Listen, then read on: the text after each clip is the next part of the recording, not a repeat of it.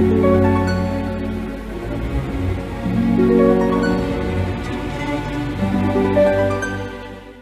Pisces, saya dengan Madam Aza. Kita bacakan sekarang kartu tarotnya. Yang pertama, untuk karir, bisnis, dan juga peruntungan Pisces, kartu yang keluar adalah Judgment. Ketika kartu Judgment keluar, ini menunjukkan segala unsur panas yang mengelilingi. Ada matahari, gunung berapi, ular api, dan juga lahar. Kartu Judgment ini biasanya mengingatkan diri kita untuk fokus dulu ke hal-hal yang bisa kita lakukan dan tidak uh, meneruskan hal-hal yang belum saatnya dilakukan. Ini lebih kayak uh, mengatur prioritas kita ya.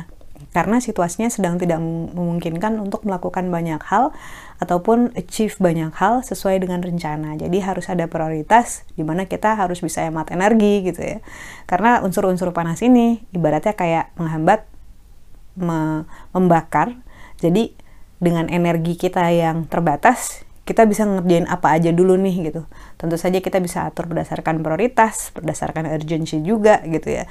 Kartu judgment juga bukan berarti kita kehilangan semua hal yang kita rencanakan. Ini lebih kayak sabar dulu, mana yang harus dikedepanin dulu, itu yang kita fokuskan.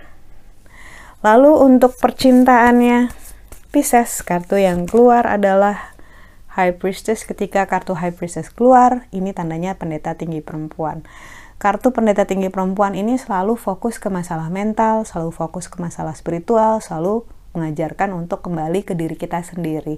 Kembali ke diri kita sendiri dalam hal relasi, ini tandanya adalah kalau bisa jujur sama diri sendiri itu akan jauh lebih bagus. Hal-hal apa yang membuat kita bahagia, hal-hal apa yang membuat kita enggak. Semua hal yang bikin kita bahagia, kita fokuskan untuk kita tambah lagi. Hal-hal yang bikin kita nggak bahagia, kita kenali, jangan sampai kita ulangi lagi gitu. Dalam hal relasi, kita punya tanggung jawab sama pasangan ataupun calon pasangan, tapi yang paling utama adalah tanggung jawab kita ke diri kita sendiri. Jadi High Priestess ini kembali meminta dirimu untuk be honest with yourself gitu.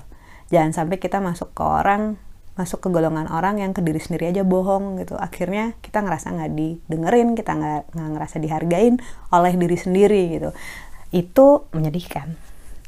Lalu kartu nasihat yang diberikan untuk Pisces, kartu yang keluar adalah The Fool. Kartu The Fool ini menunjukkan orang yang loncat dari jurang untuk mendapatkan bintang.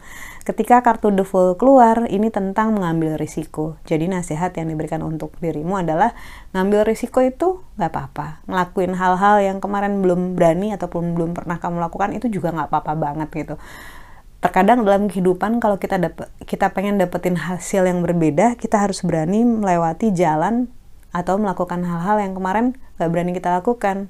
Satu hal yang berbeda itu juga merupakan sebuah experience baru gitu ya, sebuah pengalaman baru, sebuah pelajaran baru. So it's really okay. Yang gak disarankan buat orang yang ngambil risiko adalah ketika orang itu cuman ngeliat yang bagus-bagusnya aja cuma bermimpi yang indah-indahnya aja. Tapi pada saat mengalami kesulitan, pada saat ada konsekuensi yang harus ditanggung, terus dia nggak mau terima nah itu yang nggak boleh gitu jadi kita perhitungkan dengan akal sehat kita rasakan dengan hati kita sejujurnya apa yang ingin kita lakukan dan kita istilahnya istiqomah kita fokus menjalani apa pun yang sudah kita putuskan itu so apa pun yang ingin kamu lakukan walaupun itu berbeda dengan yang kemarin ataupun dengan rencana awal it's fine it's okay selama konsekuensinya masih bisa kita tanggung Sekian bacaannya, semoga bermanfaat. Kita doakan yang terbaik saja untukmu.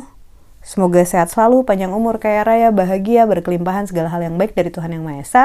Terima kasih bantu saya dengan cara di klik like-nya, subscribe, share, dan juga komen.